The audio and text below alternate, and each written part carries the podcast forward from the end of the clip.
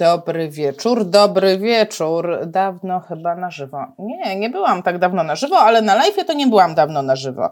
Jest już ze mną pani doktor. Ale zanim zaczniemy, zanim zaproszę panią doktor na wizję, chciałam wam powiedzieć taką rzecz, że będziemy się starały być bardzo merytoryczne i mm, celem tego spotkania jest podsumowanie obecnej wiedzy, która jest dostępna, którą mamy. Jest część rzeczy, którą wiemy i oczywiście jest część rzeczy, której nie wiemy, będziemy o tym mówić. E, podszywam się, bo to nie ja będę mówić, tylko pani doktor będzie mówić. I chciałabym was poprosić o to, żeby pozostawić dyskusję merytoryczną, czyli rozmawiamy o tym, co wiemy, a czego nie wiemy, jakie może mamy obawy. Nie wylewamy własnych e, emocji, które czasami bywają trudne i każdy z nas musi kwestię szczepionek tak naprawdę rozstrzygnąć samodzielnie. Naszym celem jest dać wam jak najwięcej informacji informacji, żeby ta wiedza była kompletna i tą decyzję podjąć naprawdę najrzetelniej jak się da. Dzień dobry, pani Dorota Szlosowska, lekarz, pulmonolog, internista, choroby wewnętrzne. Na co dzień, teraz, niech mnie pani poprawi, jeśli się mylę, teraz jest pani zamieszkała w Hiszpanii. Ja lubię sobie komplikować moje życie, w związku z tym ja mieszkam w Hiszpanii a pracuję w Szwecji, a tak w ogóle to dzień, dzień dobry wszystkim Państwu, tak, jestem lekarzem pulmonologiem i pracuję od 20 lat. Czas szybko leci. No i dzisiaj chciałabym się z Państwem podzielić moją wiedzą na temat no, tych szczepionek, a mamy na razie jedną, która, czyli Pfizerowską, będziemy mówić tylko o niej, która dzisiaj została wpuszczona na rynek europejski. No i zobaczymy. Tak, to jest hit. Jesteśmy, to jest chyba pierwszy live, historyczny taki dzień. historyczny dzień, bo o trzeciej e, Europejska Agencja Leków, tak, tak się to mówi, ogłosiła, że dopuszcza tą szczepionkę i Komisja Europejska to przyklepała, także już wiemy, że procedury są zamknięte, jeśli chodzi o dopuszczenie jej na rynek europejski, więc to jest taki, taka wiadomość świeżutka, nie? No, czekaliśmy na to przez ostatnie 10 miesięcy i uważam, że to jest pierwszy raz, kiedy w naszym ciemnym tunelu zapaliło się światełko. A nie ukrywam tego, nie ukrywałam w internecie, że ja się szczepić będę, ale dręczy mnie takie, jednak dręczy mnie takie pytanie, czy jak ja się zaszczepię, to ja jestem królikiem doświadczalnym, czy ja jestem, czy ja jednak mam już się w ogóle wyluzować. Jakby to, jak to jest? To jesteśmy tymi królikami, czy nie jesteśmy? Znaczy króliczki są ładne, no ja bym się aż takich nie czepiała, ale dobrze. Y, w ogóle najczęściej to się na myszach testuje, ale już dobrze. Czy my jesteśmy królikami? No, tak naprawdę jesteśmy codziennie królikami. Codziennie spożywamy nowe substancje, codziennie wdychamy nowe substancje, codziennie wypijamy nowe substancje, kupując nowy kremik, tak, który ma prostować zmarszczki i Bóg wie co robić, też stajemy się królikami doświadczalnymi dla samych siebie. W związku z tym, czy jesteśmy, czy nie jesteśmy, no to już jest kwestia własnego, własnej interpretacji, własnego bytu. Na to pytanie nie umiem e, odpowiedzieć. Z punktu widzenia medycznego już króliki były. To kto był tym królikiem? Króliki, myszy. Króliki były, królikami były myszy, bo to one, na nich pierwszych były testowane, na zwierzętach były pierwsze badania. I dopiero proszę pamiętać, że zanim jakikolwiek lek, bo tu szczepionka obojętnie co, tak? Czy nawet kremy, czy cokolwiek innego, co trafia do naszego organizmu, jest najczęściej w jakiś sposób na zwierzętach testowane, to jakby od nich się zaczyna. E, później są fazy pierwsza, druga, trzecia badań klinicznych. Co to znaczy? Bo my się nie uczymy, mhm. my nie mamy tej wiedzy na studiach. Co to znaczy mhm. pierwsza, druga, trzecia? I cały czas się mówi trzecia faza, trzecia faza.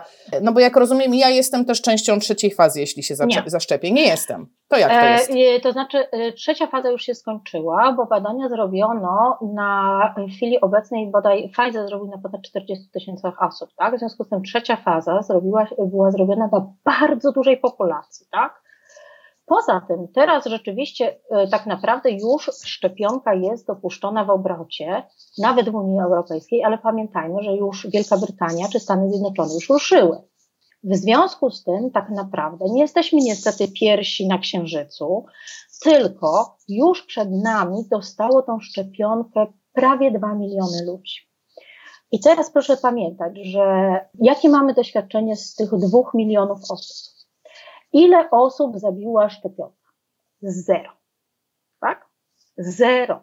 Jeżeli zakażemy COVID-em 2 miliony osób, to statystycznie umrze między 40 a 60 tysięcy osób. W związku z tym no ja myślę, że te, te dane są no, tak totalnie niepodważalne już na tym etapie, że no, nie pozostaje nam nic innego. My nie mamy wyboru. My również musimy sobie zdawać sprawę z tego, że my nie do końca mamy wybór, tak? My nie mamy pełnych szuflad i szaf wypełnionych tysiącem leków na COVID i teraz przyszła szczepionka, a my możemy coś wybrać. My nie mamy wyboru. To jest wojna. To jest w pewnym sensie wojna biologiczna i nam, nas właśnie wyposaża się w pierwszą kamizelkę kuloodporną. No i jest pytanie, czy my chcemy ją ubrać, czy nie.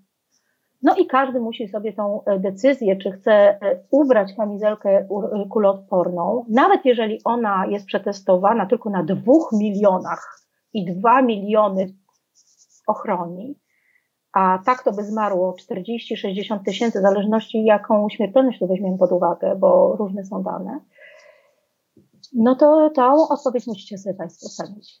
No tak, ja, ja na przykład kupuję ten argument, niemniej mhm. całkowicie też jakby nie potrafię wyzbyć się z głowy takiego, takiego znaku zapytania, no dobrze, mamy te 40 tysięcy osób w tej próbie, w tej trzeciej, w tej, w tej mhm. próbie Pfizera, tak? Trzeciej, fazy, tak? trzeciej fazy, bo to było 40 tysięcy, e, załóżmy 20 tysięcy dostało placebo, a 20 dostało tak. tę szczepionkę. Tak.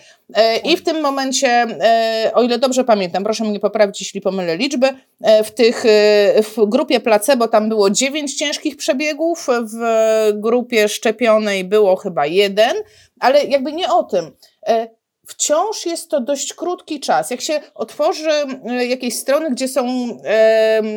Gdzie e, wypisane jest, jak te próby powinno wyglądać, no to można znaleźć taką informację, że ta trzecia faza no to jednak powinna w latach trwać, a nie w tygodniach czy nie w miesiącach. Jak oni to zrobili, że, że są w stanie. Oni po pierwsze pozakładali trochę, tak szczerze mówiąc, y, no oczywiście, jako że jest stan wojny, y, no bo tak to trzeba nazwać, pandemia jest stanem wojny w medycynie, no to trzeba było troszeczkę również stosować środki niestandardowe, czyli na przykład równocześnie leciała pierwsza faza z drugą, tak? One się nakładały. Czyli zanim już pierwsze wnioski były wyciągane z badań pierwszej fazy i już rozpoczynano drugą. Już można było pierwsze, rozpoczy, rozpoczynano trzecią. Poza tym proszę zwrócić uwagę na jedną rzecz i tutaj się odniosę do, do leków onkologicznych. Kiedyś jakby od chwili wynalezienia cząsteczki Mm, na choroby onkologiczne, do, na, jakąś, na jakiegoś raka, do chwili wprowadzenia tej cząsteczki trwało 15 lat. No moje pytanie jest, czy byście Państwo chcieli czekać 15 la, y, lat na lek na swojego raka? No ja nie. W związku z tym generalnie pacjenci onkologiczni no, błagają o włączenia do programów, bo również dzięki nim często te technologie już są tak rozwinięte, te produkcje są i system nadzorowania leków, i system jakby zatwierdzania kolejnych etapów jest, no, pamiętajmy, że my mamy zupełnie inne technologie, mamy deep learning, mamy machine learning, mamy sztuczną inteligencję w to y, zaprzęgniętą, mamy y, po raz pierwszy y, stworzoną globalną siatkę naukowców, która pracowała. Nigdy tego wcześniej nie było. No właśnie, ja, mm. e, ja, ja, W związku z tym to nam pozwoliło po prostu pewne e, jakby rzeczy skrócić. No tak samo jak kiedyś e, wysłanie SMS-a, tak, przez telefon trwało tam nie wiadomo ile, bo tam trzeba A, B, C, trzecie, tak, no to już większość z Państwa pewnie nie pamięta. No to tak samo teraz jest łatwiej i to samo dotyczy wszystkich ich technologii, nie tylko medycyny, nie tylko farmacji, ale myślę, że, że no, każdej dziedziny, gdzie są y, technologie używane. No właśnie, mi e, od razu mi się przypomniało, że gdzieś wyczytałam, nie wiem e, czy to jest prawda, że kiedyś e, jakby wyciągnięcie samego wirusa i rozłożenie go na kawałki to była kwestia miesięcy pracy. Tak było, nie wiem, na przykład z wirusem AIDS, nie AIDS, tylko z wirusem HIV, który powoduje AIDS, tak? Że to ileś trwało, zanim w ogóle samego wirusa poznaliśmy, a COVID ile? 10 dni? E, tak, bo, e, bo te okresy się wszystkie poskracały dzięki naszym nowym technologiom, a przede wszystkim myślę, że tutaj jakby dwie rzeczy prawdopodobnie odegrały taką, i to są moje domysły, ale takie troszeczkę, które wszyscy moi znajomi, którzy w tym siedzą, potwierdzają, że tutaj potężną rolę odegrały przede wszystkim potężne komputery naładowane sztuczną inteligencją, żeby tego wirusa rozebrać. E, nanotechnologia wzięła w tym udział, która, mówimy o rzeczach, które nie istniały jakiś czas temu, tak? Mam ciarki. tak, bo to, e, to, e, proszę Państwa, no prawda jest taka, że to, co myśmy jakby osiągnęli w przeciągu ostatnich 10 miesięcy, jakbyśmy polecieli w kosmos medyczny, tak? Myśmy polecieli w kosmos i to, że mamy szczepionkę, która ma 94% skuteczności, to nam się to powiedzmy w czasie, kiedy był SARS pierwszy, tak? Jakoś nie chcę pamiętać, chyba był 2006 rok albo trzeci, nie pamiętam. Y, no to to były technologie, które były nieznane. Nie było ani sztucznej inteligencji, ani deep machine learning, ani jakiś data mining. To wszystko zostało użyte i to wszystko pozwoliło skrócić. Oczywiście zawsze można powiedzieć, że lek był przetestowany na zbyt małej ilości osób. Tylko to jest pytanie, które, jak dla ludzi, którzy kontestują, tak? Gdzie jest granica? Bo de facto y, ilości osób, która by zadowoliła, tak? No, gdzie na końcu, w momencie, kiedy my stajemy naprzeciwko danej tabletki czy preparatu, no to my nie jesteśmy otoczeni statystyką, tylko jestem ja i tabletka, i teraz ja ją połknę, no i dopiero zobaczę, czy ona nam nie działa, tak? W związku z tym, no, w medycynie e, państw, e, wiele osób ma oczekiwania takie, e, że medycyna jest matematyką. Tak, my sobie dodamy 2 plus 2 jest 4 git. No tak nie jest. Ja bym strasznie chciała, żeby tak było, bo by mi to potwornie ułatwiło pracę, a tak naprawdę to już teraz mógłby mnie robot zastąpić i bym tam kwiatki zbierała sobie na łące. Ale tak nie jest i w związku z tym, no, my musimy wziąć pod uwagę to, że jesteśmy w stanie mniej lub bardziej zagrożenia egzystencjonalnego populacji. I my sobie na luksus testowania latami nie możemy pozwolić. Bardzo byśmy chcieli mieć ten luksus, tak? Bo to by było super, tak? Teraz 20 lat obserwacji, później jeszcze 20, 500 tysięcy kampanii społecznych, żeby uprosić tych, co nie chcą, żeby się zaszczepili. No to by było Idealnie. Tylko ile ludzi by w tym czasie zmarło? Czy jesteśmy gotowi zapłacić taką cenę?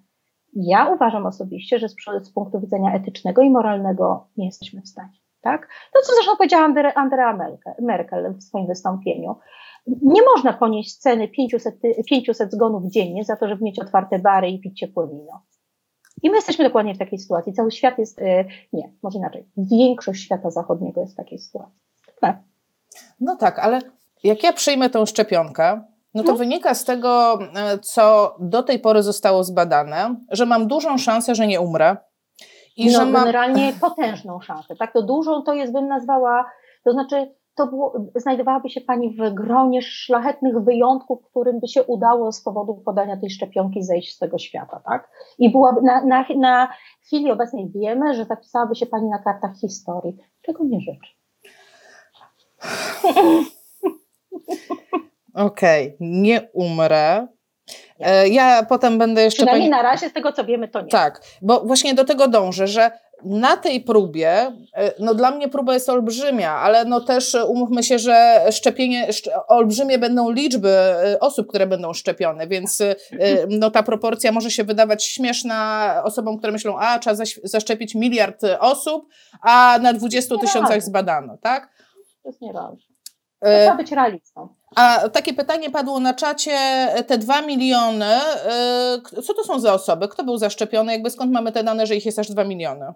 No to są e, dane amerykańskie, to już jest sumowanie chwilowe, to przede wszystkim firma Pfizer dostarcza, no bo oni już jakby głównie teraz wchodzą na wszystkie rynki, oni weszli pierwszy, pierwsi i mamy te dane, to jest łączne dane ze Stanów Zjednoczonych, to są łączne dane ze E, Boże, z Wielkiej Brytanii. E, proszę pamiętać, że nie, nie cały świat się kręci wokół Unii Europejskiej, tak? W związku z tym to są również e, dane już z Izraela, z Bliskiego Wschodu, gdzie to się zaczyna powoli robić już. W chwili obecnej, no mówię, to jest 1,8 z dużym hakiem, no prawie 2 miliony, biorąc pod uwagę, że naprawdę zaczyna się szczepić no już setkami tysięcy ludzi dziennie, no to te 2 miliony to w ciągu dwóch, trzech dni mamy już dawno przebite, tak?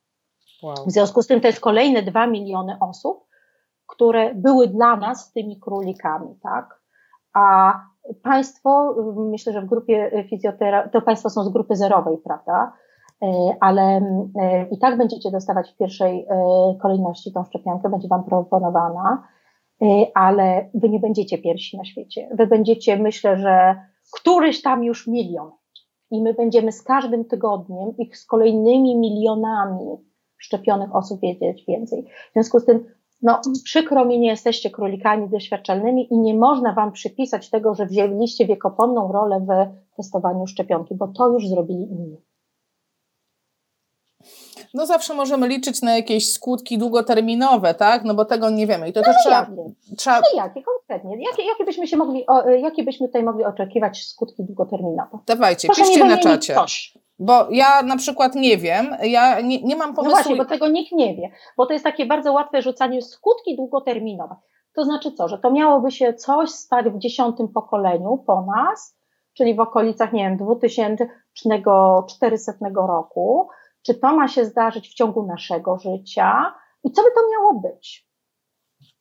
I żeby to jeszcze miało do tego jakieś uzasadnienie biologiczne, tak? No bo to jeszcze fajnie by było, żeby no, wymyślony skutek potencjalny miałby jakieś uzasadnienie biologiczne, czyli można by było przypuszczać, że ten lek mógłby wchodzić w jakiś mechanizm patogenezy jakiejś choroby. No na razie mm, wydaje się to być e, mało prawdopodobne. Bardzo ciekawy komentarz mamy na czacie. E, bezpłodność. E, I ja nawet wiem, skąd się bierze takie przypuszczenie. E, I może to jest dobry moment, żeby powiedzieć o tym. Nie ma w zaleceniach, żeby szczepić kobiety w ciąży. Wręcz na ten moment jest to przeciwwskazanie. Nie szczepimy ciężarnych i nie, nie szczepimy. To nie jest, to Jak nie to jest? jest? naprawdę przeciwwskazanie. To jest po prostu nieszczepienie, ostrożność, tak? Bo nie ma badań na tej grupie. Pfizer, rzeczywiście zaszczepił, prawdopodobnie przez przypadek, ja nie umiem na to odpowiedzieć, bo nie jestem CEO Pfizera niestety, no szkoda, to zaszczepili prawdopodobnie przez przypadek 20 parę kobiet w ciąży i one, które były na tak wczesnym etapie, że nie wiedziały, że są w ciąży, tak, okazało się później.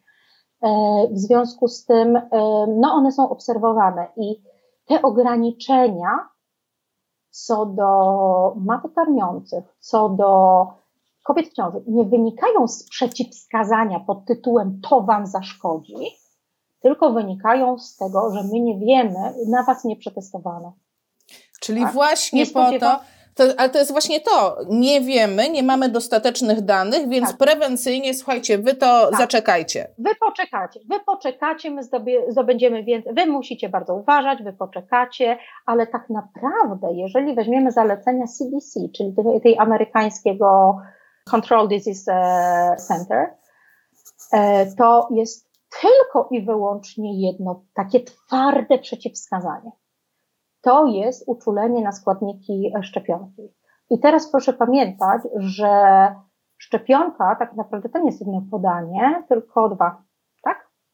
Dwa podania, trzeba dwa razy ukuć w przeciągu, e, w odstępie trzech tygodni.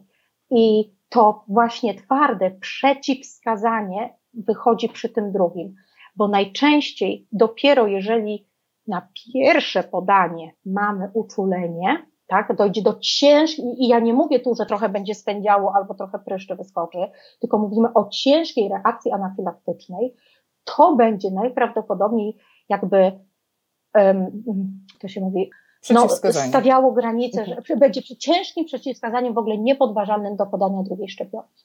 Więc tak naprawdę wszystko inne, o czym mówi się, że tu czekamy, nie wynika z czystego przeciwwskazania pod tytułem wiemy, że kobietom w ciąży zaszkodzi. Nie, my po prostu nie wiemy. W związku z tym obserwujemy. Ale te, te I wstrząsy... kobiety w ciąży na koniec kolejki. Ale to dokładnie ta sytuacja, e, o której Pani mówi, zdarza się teraz w Wielkiej Brytanii, tak? Bo oni mieli chyba dwa wstrząsy e, anafilaktyczne po podaniu szczepionki. Jak to jest? Nie do końca wstrząsy ana, e, anafilaktyczne, bo tak jak czytałam, to, to reakcje nie spełniały oczywiście kryteria jakby reakcji alergicznej, ale nie wstrząsu anafilaktycznego, tak? No też proszę to rozróżnić. A biorąc pod uwagę, nawet jeżeli mówimy, mamy 1,8 e, miliona ponad zaszczepionych osób i mamy dwie osoby, którym się zrobiło słabo po podaniu, no to ja życzę naprawdę, żeby wszystkie moje leki tak rzadko miały objawy uboczne. A już najbardziej życza, życzyłabym sobie, żeby leczenie onkologiczne miało tak rzadkie objawy uboczne, jak ta szczepionka na, na razie. E, dużo komentarzy, dużo, e, ja tak śledzę jednym okiem, e, jednym okiem, bo takie jest pytanie, ok, bo jest napisane rzeczywiście, że uczulenie na składniki szczepionki i pada pytanie, no ale co jest w szczepionce? I ja sprawdziłam, tylko ja nic z tego nie rozumiem, te nazwy są dla mnie kompletnie mhm. obce, one mi nic nie mówią. Mhm. Co z tego, że ja znam skład tej szczepionki? Proszę pamiętać, że w składzie szczepionki jest fragment informacji mRNA, tak? E, otoczona w kapsułce lipidowej.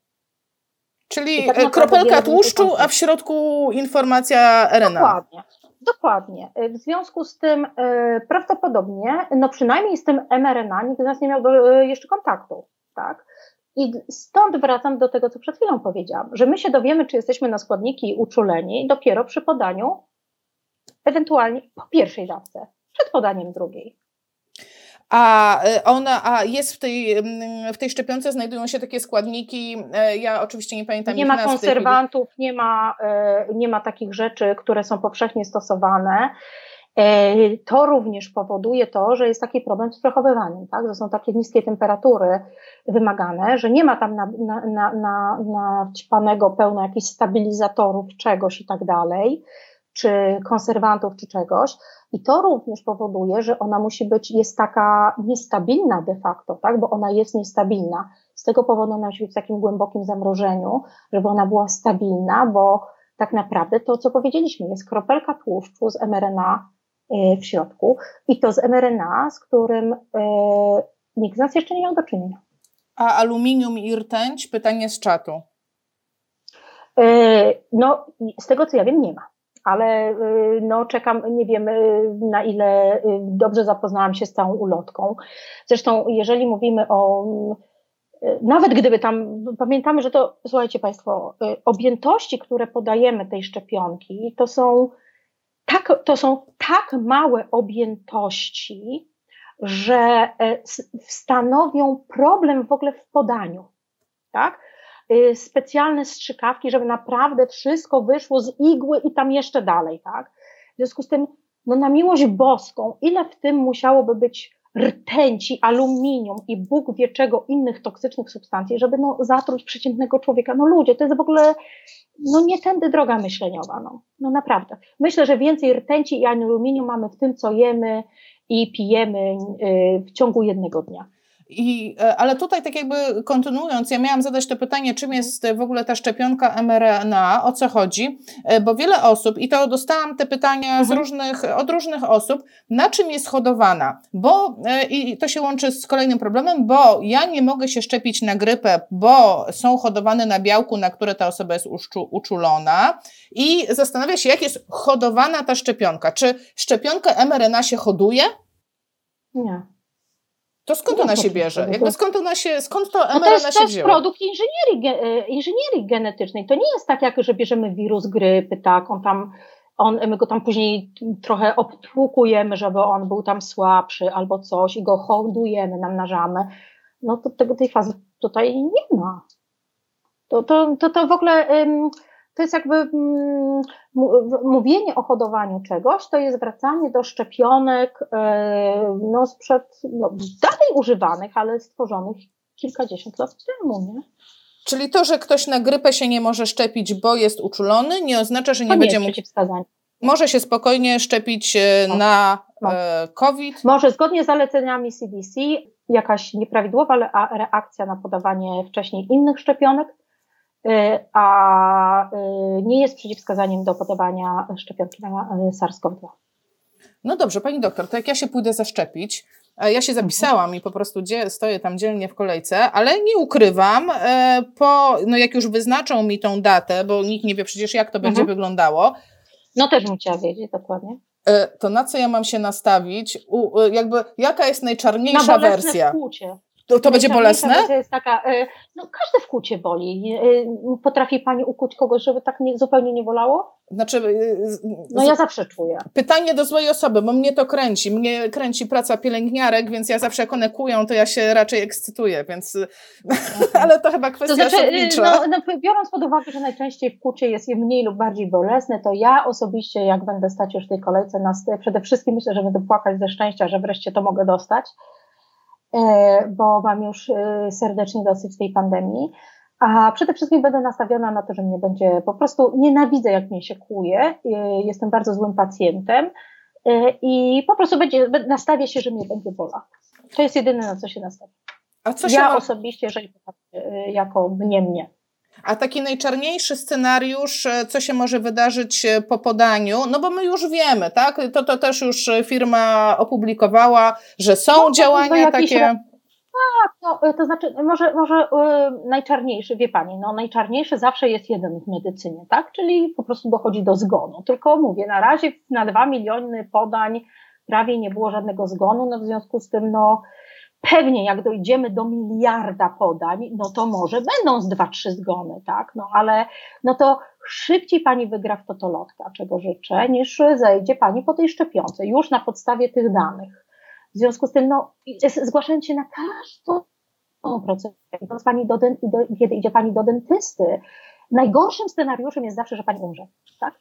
A realnie to, że będzie Panią bolało w płucie, że się pojawi zaczerwienienie, że pojawi się ból głowy, że pojawią się bóle takie um, stawowo-mięśniowe. No tak, my to wszystko wrzucamy w tak zwane paragrypowe objawy, y, które według um, to dzisiaj na konferencji mówiono, że e, te wszystkie objawy, o których wspomniałam, nie wiem czy je było słychać, trwają najczęściej jeden dzień.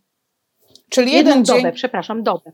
Bo tutaj się 24 godziny. Osoby się dopytają na czacie, jakie są powikłania. To są dokładnie, to, to jest dokładnie to, o czym pani doktor dokładnie powiedziała. Dokładnie to, co powiedziałam. Innych powikłań po szczepionce Pfizerowskiej nie było obserwowanych.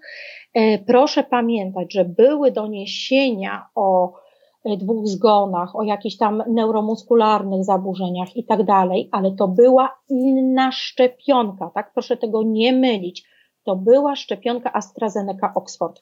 Z tego powodu ta szczepionka, proszę zwrócić uwagę, yy, przestała chwilowo brać w tym wyścigu do, do szczepień masowych i tam są prace dalej kontynuowane nad tym, żeby to wszystko zmodyfikować.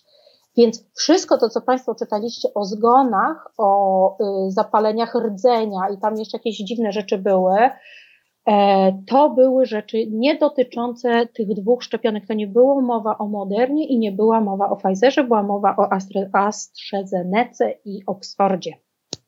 Czuję się spokojniejsza, więc teraz chciałabym być jeszcze spokojniejsza. To ja... ustalamy, że generalnie szybciej pani y, wygra w totolotka niż umrze przy szczepieniu. Tak? A... No, y, to z takimi się liczymy tutaj prawdopodobieństwami. A wersja optymistyczna? To co, jak się zaszczepię, to tak, taka optymistyczna wersja to co, to ja już nie zachoruję? To wersja ja już... optymistyczna? Wersja optymistyczna jest taka, że tylko będzie pani, a że zupełnie nie będzie panią boleć, nawet pani nie zauważy, że panią ukuto. No i wersja taka najbardziej optymistyczna jest, że e, szczepionka będzie e, chroniła panią przed zachorowaniem e, no co najmniej rok, kilka, kilka, kilkanaście, między rok a kilkanaście miesięcy ale zachorowanie to nie znaczy, że jak nie zachoruję, to nie mogę, w sensie, że nie będę zarażać innych, bo to jest coś, nad czym my się zastanawiamy z kwestii zawodowej.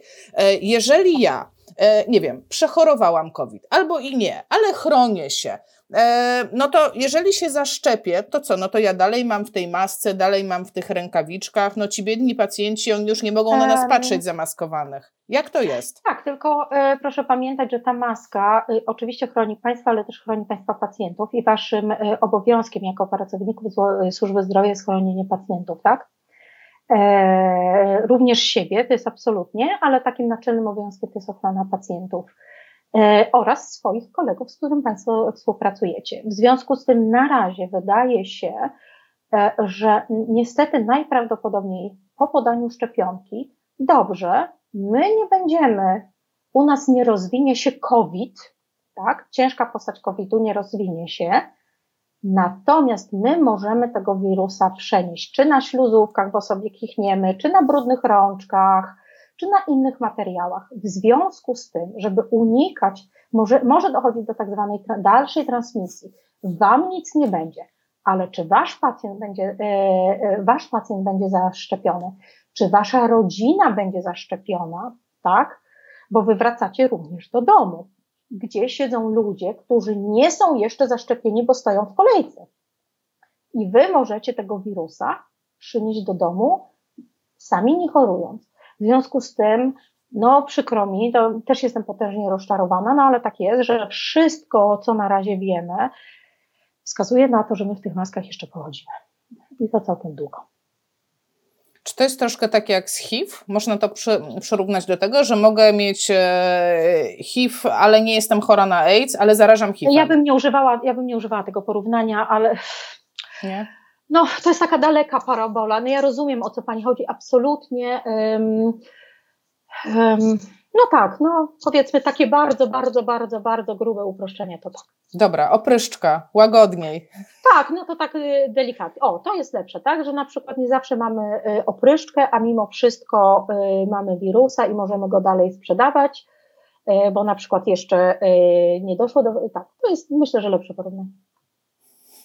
Przepraszam, rozbawiłam się, czy ma pani doktor jakąś gwarancję na to, co pani mówi? No, e, to, to, to było powiedziane na to początku. Znaczy, no, ja, odbiję, ja odbiję to może w drugą stronę. E, ja jak się do państwa e, zwracam, do fizjoterapeutów i odsyłam moich pacjentów do fizjoterapeutów, Również liczę, że Państwo jesteście specjalistami i bazujecie na um, dobrych źródłach informacji, tak? Macie Państwo swoje kursy, macie Państwo swoje periodyki, macie Państwo swoich guru, którzy Wam mówią swoje rzeczy, tak? I no, tak trochę jest to nietaktownie, gdybym ja za każdym razem przychodziła do Państwa i się pytała, czy Pani na pewno wie, co Pani robi i czy Pani na pewno, i proszę mi podać całą bibliografię, na której Pani e, bazuje swoje doświadczenie. E, również proszę mi podać wszystkie badania na temat sprzętu, który Pani używa i czy jest Pani pewna, że producent sprzętu, który pani używa, na pewno panią nie okłamuje. I czy weźmie no Pani możemy, tak, odpowiedzialność, tak, Pani doktor, i czy weźmie Pani odpowiedzialność za to, co Pani robi? E, no bo naczelnym, naczelnym teraz argumentem jest, dlaczego firmy nie chcą wziąć odpowiedzialności za ewentualne powikłania. I to pytanie się przewijało wiele razy na czacie. Znaczy ja, ja ich bardzo rozumiem, szczerze mówiąc, tak, bo... Um, no my byśmy chcieli mieć ciastko, zjedz, zjeść ciastko, upiec ciastko i w ogóle nie wiem co jeszcze, i dużo ciastek, tak? Ludzie święci, to jest wojna. Te firmy również zostały przymuszone do e, jakby działania jak najszybszego celem ratowania populacji. W interesie firm, które, e, no pomyślmy z takiego czystego biznesowego e, punktu widzenia, już abstrahując o tym, że mówimy o ludzkim życiu, tak? Czy ja bym chciała, żeby moi klienci umierali? No raczej nie. Ja bym chciała, żeby oni przeżyli, tak, i później leczyli się na swoje choroby przewlekłe, te wszystkie to, co sobie sami nagrabią, czyli cukrzycę, bo się na, najedzą, nadciśnienie, bo się nie ruszają i tak dalej, i tak dalej.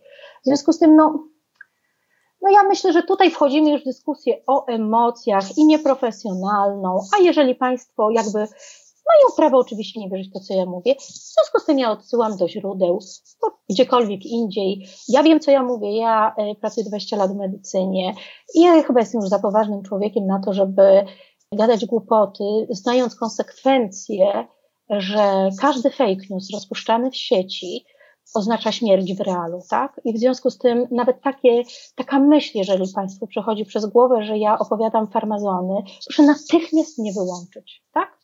Bo y, to znaczy, że w ogóle nie mamy wspólnego porozumienia i y, robicie Państwo ze mnie taką myślą kryminalistę, bo dla mnie ludzie rozsiewający fake newsy w sieci są kryminalistami i bioterrorystami i powinni być z urzędu ścigani.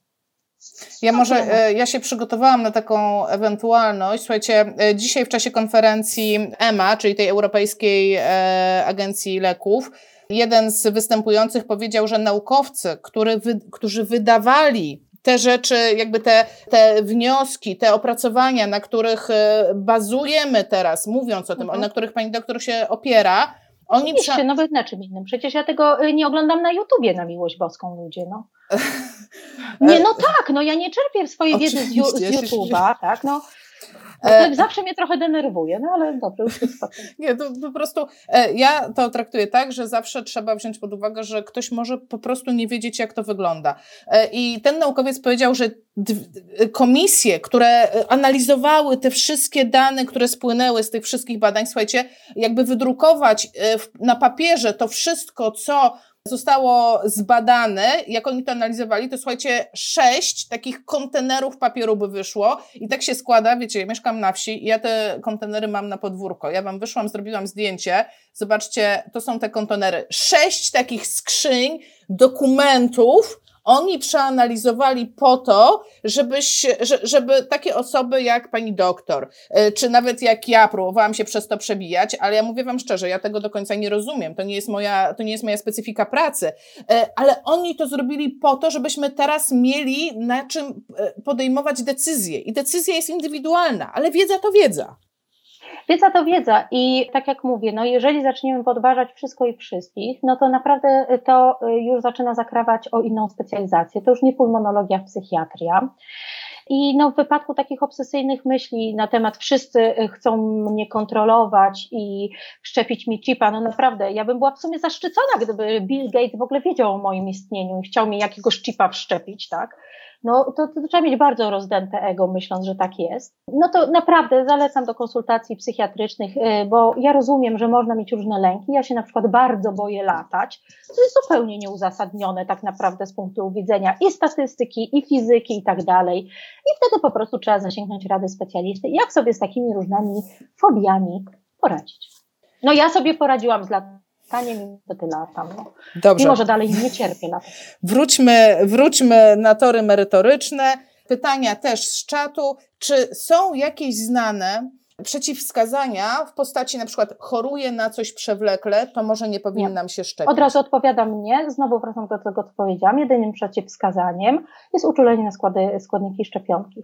Jest inna sprawa u osób z chorobami autoimmunologicznymi i tu szczerze mówiąc już bym chciała odesłać Państwa na czat, na e, live'a, który był na mojej grupie, pulmonolog e, tylko COVID-19, bo tam rozmawiałyśmy sobie z doktor Kuną o tym właśnie, kiedy ta szczepionka niestety może nie zadziałać. Tak, bo można, y, i tutaj rozmawialiśmy o ludziach, którzy mają różnego rodzaju choroby autoimmunologiczne, i rzeczywiście tam takim najcięższym powikłaniem może być to, że ta, że ta szczepionka nie zadziała, nie osiągnie spodziewanego efektu i da pacjentowi fałszywe poczucie bezpieczeństwa.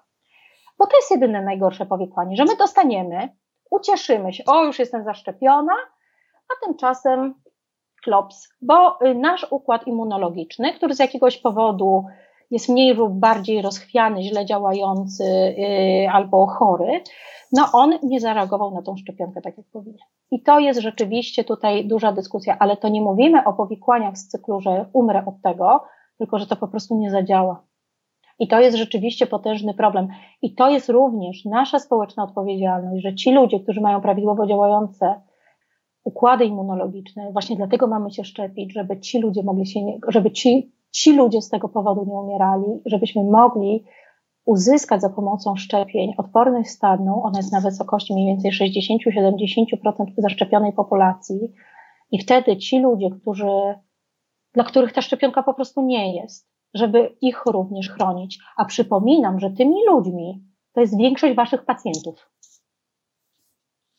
Tak? To jest większość Waszych pacjentów ma albo RZS, e, albo nadciśnienie, albo cukrzycę, no może tutaj e, nadciśnienie jest dobrym przykładem, na przykład cukrzyca typu pierwszego, tak, RZS-y, e, wszystkie choroby autoimmunologiczne, które, z którymi Państwo bardzo dużo pracy poświęcają tym pacjentom, oni będą w tej grupie, gdzie prawdopodobnie ta szczepionka no może nie odnieść takiego efektu, tym bardziej na Państwo, jako fizjoterapeutów, gdzie bardzo blisko pracujecie z pacjentami, gdzie ten kontakt jest często fizyczny, tak? Na Was spoczywa, spoczywa ogromna odpowiedzialność chronienia tego pacjenta, bo Wy nie załatwicie tego teleporadą. Tak, e, patrzę, e, patrzę jeszcze na zanotowane Ja muszę pytanie. tylko powiedzieć, że mam jeszcze tylko 7 minut. Ja strasznie Dobra. przepraszam, bo ja będę na ciąg dalszy w innym miejscu. Dobrze, e, to takie pytania, które przyszły mhm. i które bardzo się e, mhm. często powtarzają. Mhm. Przeszedłem COVID, e, mam przeciwciała, mam się szczepić czy nie? Tak. Proszę się ustawić w końcu kolejki i czekać na szczepienie. Czyli Ponieważ, nie już, tak, można o, później. Tak, koniec. te filmy, które się pokazały w internecie, mdlejąca pielęgniarka po podaniu COVID, to jest właśnie jedno z tych, jeden z tych przypadków, czy to jest, nie wiemy co to jest? Nie wiemy, co to jest, bo wiecie, co Państwo, jak prowadziłam pierwszy e, wykład publiczny dla 400 osób, osunęłam się e, przy katedrze i czy to było powikłanie kontaktu Pewnie tak, no po prostu nadmiar stresu. Myślę, że, że e, nie wiem, czy nie, tutaj się nie przyczyniło, że dziewczyna po prostu była tak makabrycznie zestresowana.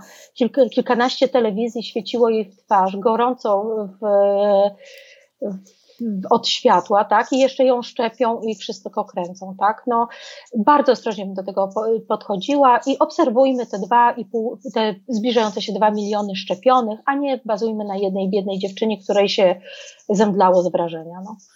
E, Mam ja... nadzieję, że tylko z wrażenia. Nie chcę tego podważać, ale myślę, że raczej wrażenia. Ja tylko chciałam Wam jeszcze przypomnieć, podkreślić, że naprawdę ja wczorajszy ten live e, z doktor Kuną obejrzałam. Bardzo, e, bardzo dużo się dowiedziałam z niego, bardzo dużo. Jest naprawdę warte obejrzenia. Także wejdźcie na grupę, macie ją podlinkowaną w komentarzu do live'a, także, a jak nie, to ja Wam jeszcze wstawię. I też takie, no też z dziś w sumie newsy, tak, że wirus mutuje. W Wielkiej Brytanii wirus mutuje. Jaką my mamy szansę, że ta szczepionka zadziała również na te zmutowane szczepy? Na razie mamy jeszcze dużą szansę, że zadziała. Na razie jeszcze mamy dużą szansę, bo wirus, bo ten frag, bo, mogę to Państwu powiedzieć, e, przeciwciała nie rozpoznają tylko jednego punktu na czymś, tak? One rozpoczynają jakby kombinację kilkudziesięciu punktów. I w momencie, kiedy 3, 4, czy 5, czy 8 punktów się nie zgadza, to tych 70 parę się jeszcze zgadza, tak? W związku z tym jest duża szansa, że ta szczepionka jeszcze zadziała. I myślę, że tak mówię to z 99,9% takim, że, że tak. Natomiast jest to potężny no, jest to pytanie, co będzie w przyszłości, bo ym, proszę, ja mam takie, ja mam pewne wątpliwości, że my mamy takie poczucie, że wygrywamy bitwę z COVID-em, ale wojna się jeszcze nie skończyła. To ja tak finalnie, takie grande finale zadam pytanie na, na rozluźnienie. Pani doktor, a może to wszystko chrzanić, dbać o odporność? No to zawsze, tak? Y, czemu nie? No uważam, że to jest y, bardzo słuszne, tylko myślę, że e, nie róbmy tego nagle, tak? Bo ja jak zawsze mi się zbiera na dbanie na odporność, to siadam na rowerek, kręcę, kręcę, a że rzadko to robię, to sobie wyobrażycie Państwo, jak ja się czuję dzień później.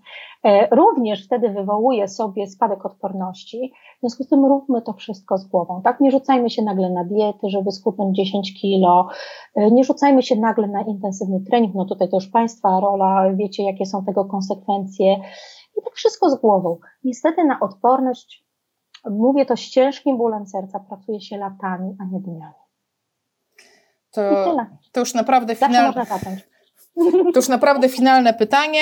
Chciałabym, żeby wszyscy usłyszeli to, co mi Pani powiedziała przed live'em, kiedy jeszcze nie byłyśmy na wizji, e, a mnie to naprawdę tak bardzo poruszyło. E, kto przejmie tych pacjentów pokowidowych?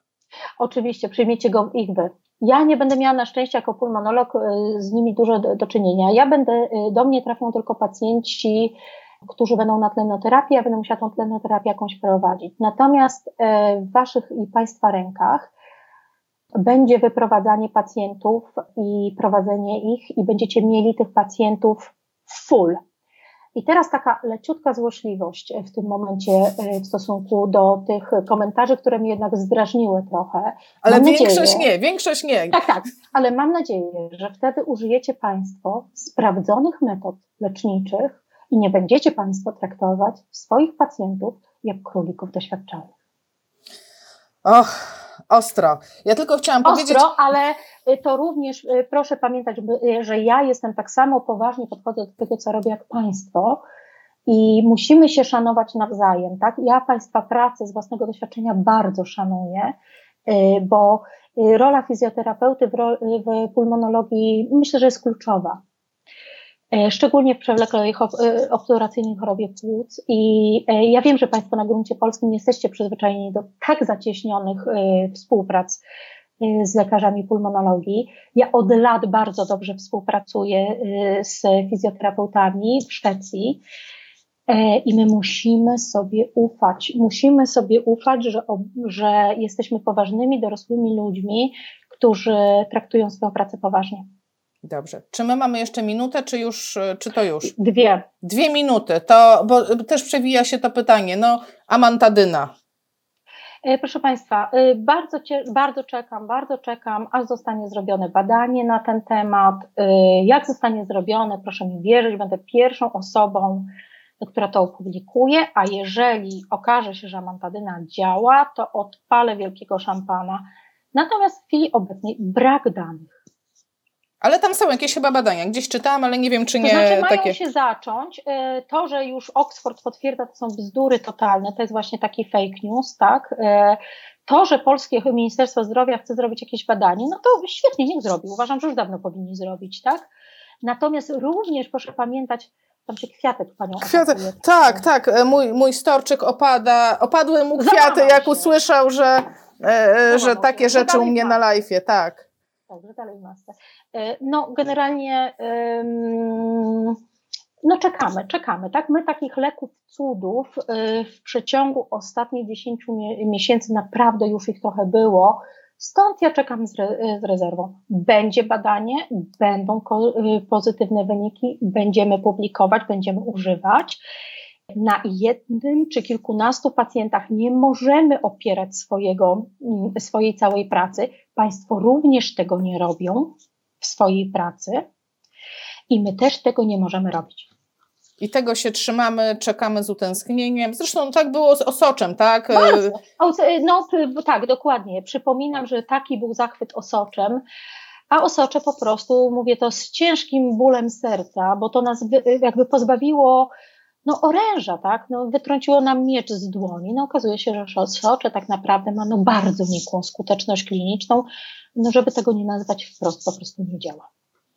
Dobrze. Szkoda, bo to jest po prostu nasz dramat, tak? To jest nasz dramat. Pani doktor, serdecznie dziękuję i jeszcze raz Wam powiem, bo widzę, że wiele pytań padło na live'ie, które są na, na czacie, które, na które odpowiedzi znajdziecie na live'ie, o którym wspominała Pani doktor. Bardzo na... polecam tego live'a. Już naprawdę y, tam moja koleżanka, która, ja tylko szybko powiem, y, moja koleżanka Anna Kuna, która jest adiunktem w Instytucie Medycyny Morskiej Tropikalnej, jednej z takich najbardziej szanowanych instytucji w Polsce zajmujących się w ogóle pandemiami i innymi rzeczami. Proszę pamiętać, że to jest również kobieta, która pracowała w Afryce, gdzie pracowała z, e, z pandemiami różnego rodzaju, zna się naprawdę na tym, co mówi, sama przyjęła wszystkie możliwe szczepionki.